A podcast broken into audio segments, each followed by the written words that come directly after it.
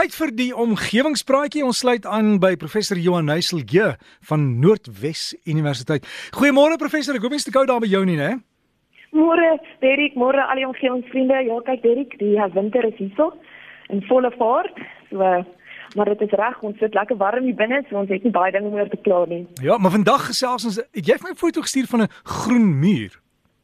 Ja, Derek, so dit dit hak so bietjie aan by tegnologie en eintlik tegnologie wat dese al meer gebruik word om besoedelingsuitdagings aan te pak.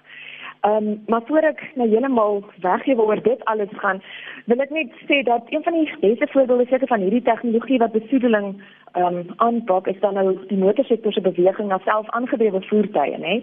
So die tegnologie wat vir hierdie self-aangedrewe voertuie ontwikkel is, sal natuurlik die manier waarop voertuie die padnetwerk gebruik heeltemal verander. En 'n verskeidenheid studies is nou al gedoen wat vir ons wys dat daar beter ver, uh, verkeersvloei gaan wees, want op eenhopings kom dikwels voor as gevolg van die manier waarop mense bestuur. Ek het nou nog gehoor hoe jy verduidelik van 'n persoon wat voor jou inloop met die met die selfoon, so dit is nou tipies sulke tipe goed wat hierdie tegnologie dan vir ons mee gaan help. Maar dit gaan ook lei tot beter brandstofverbruik en wat dan ons plaaslike besoedelstowwe en kweekhuisgasse sal verminder. So dis nou die rol wat tegnologie kom speel om besoedeling vir ons te verminder. Maar Derek sê net vir oggend gesels ons oor nog so 'n tegnologiese uitvinding en dis een wat volgens die navorsing wat nou daarop gedoen is, wys dat dit die luggehalte in stede kan verbeter. Nou, hierdie uitvinding staan bekend as die city tree konsep of as ons dit dan nou direk vertaal, 'n stadboom konsep. En dis basies die wêreld se eerste biotehnologie filter wat luggehalte kwantifiseerbaar verbeter. So, soos jy nou sê, Derek, 'n 'n 'n muur, dit is basies 'n vrystaande vertikale eenheid. Hy's 4 meter hoog, 3 meter breed en 2 meter diep en dit is bedek met mos van bo tot onder. Nou vir die van ons omgewingsvriende wat op Facebook is, julle kan gerus gaan kyk. Ek het so 'n paar van hierdie foto's daar gedeel. Maar soos jy sê, Derek, dit lyk basies soos 'n muur van mos. En hierdie vertikale mos muur se doel is dan nou om lugbesoedeling en kweekhuisgasse te absorbeer. Nou die Duitse navorsers wat hierdie city tree konsep ontwikkel het, het juis mos gekies omdat mos die vermoë het om besoedelstowwe, veral stikstofdioksied, baie effektief te absorbeer wat dit dan nou die natuurlike en 'n uh, beste lugreiniger maak. Maar dit is ons ook weet benodig mos baie water en skaduwee om te kan groei wat dit dan nou eintlik weer nie geskik maak vir hierdie stedelike omgewings nie. Maar biotehnologie kon toe nou hier die antwoord bied in die sin dat elke city tree eenheid gekoppel word aan 'n elektroniese stelsel met sensors wat dan nou omgewingsdata en klimaatdata versamel en die city tree eenheid dan reguleer en beheer en die mosse water en die voeding en die minerale aanpas sodat dit dan nou oorleef in hierdie stedelike omgewings. Maar dit het navorsers van drie verskillende universiteite van Duitsland 10 jaar lank geneem om hierdie tegnologie te ontwikkel tot op hierdie punt van volle geautomatiseerde water en voedingsvoorsiening. En die City 3 eenhede wat nou vandag in die stede geïnstalleer word, word selfs ook aangedryf deur sonpanele en versamel reënwater. Um en verder benodig dit natuurlik baie min onderhoud omdat die elektroniese stelsel die grondvogtigheid en die algemene plantgesondheid monitor en dit dan nou aandui wanneer daar sekere aanpassings gemaak moet word. Weet ek maar ek sien toevallig ons Nederlandse vriende verwys na hierdie city tree as die meganiese boom wat ek dink dis nogal 'n raak beskrywing.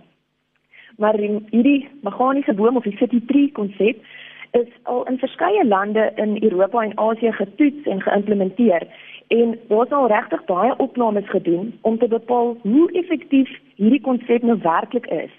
Dit kan ek net sê, um, die resultate is regtig nogal indrukwekkend.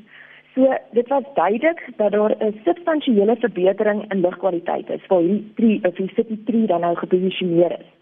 So gemiddeld oor 'n tydperk van 'n jaar het hulle 'n 15% vermindering in stikstofdioksied gesien en elke city tree eenheid het ook gemiddeld 240 ton koolstofdioksied per jaar opgeneem. En dit het bygedra um, tot die vermindering in geraasbesoedeling en het 'n gunstige uitwerking gehad op die hitte-eiland effek.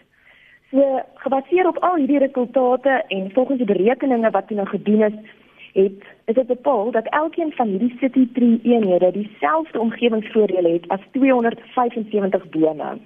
Wow. Ja, so wat verder voordelig is, is dat een so eenheid dan nou natuurlik net 1% van die spasie gebruik wat 275 bome sou benodig. So in beginsel is dit eintlik 'n goeie oplossing vir stede waar die spasie beperk is en waar ons groen ruimtes al skaarser word. En dan 'n ander interessante ding is dis is ook nie net van so 'n uh, eenheid neersit op enige plek in die stad nie. Die ligging van hierdie eenhede word bepaal met uiters komplekse en data-gedrewe simulasies wat dan nou uitwys waar die beste ligging is vir optimale impak van so 'n eenheid binne hierdie stedelike habitat. So Derek, ja, ek dink dit behoorlik 'n natuur- en tegnologie gebaseerde oplossing vir hitte en lugbesoedelde stede. En ek is ek is seker ons sal dit by die huishoek in die toekoms kan toepas. Hulle werk seker nou al aan die tegnologie. Die idee is direk dat dit dan nou oorgaan na die geboue toe en hulle wil basies die hele stad se klimaatinfrastruktuur kan beheer met hierdie tipe tegnologie.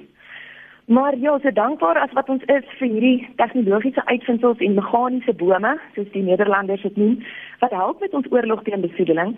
Ehm um, is my groen gedagte dat dis soveel te meer dat ons ons natuurlike groen in ons stede en ons dorpe en dan veral ons stadsbome soos goud moet oppas en bewaar want ons natuurlike omgewing het natuurlik ook 'n estetiese uitwerking en 'n psigiese uitwerking op die mens wat ek weet nie Derek ek dink tegnologie gaan sukkel om daai deel nageboots te kry. ek is seker. en jou groen gedagte?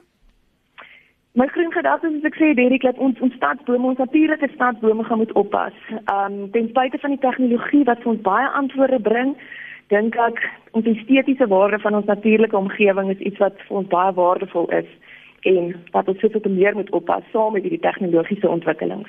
So vandag is jy kans het gaan plant 'n boom en dit dan ons omgewingspraatjie saam met professor Johan Heiselje van Noordwes Universiteit. Ek weet hulle plaas ook op hulle Facebook bladsy. Jy kan maar net gaan soek uh, as 'n vriend omgewingspraatjies die meervoud en dan kan jy daar aansluit by die groep en die inligting kry. Ook daar inligting plaas asseblief en as jy wil e-pos omgewingspraatjies by gmail.com. Dis omgewingspraatjies by gmail.com.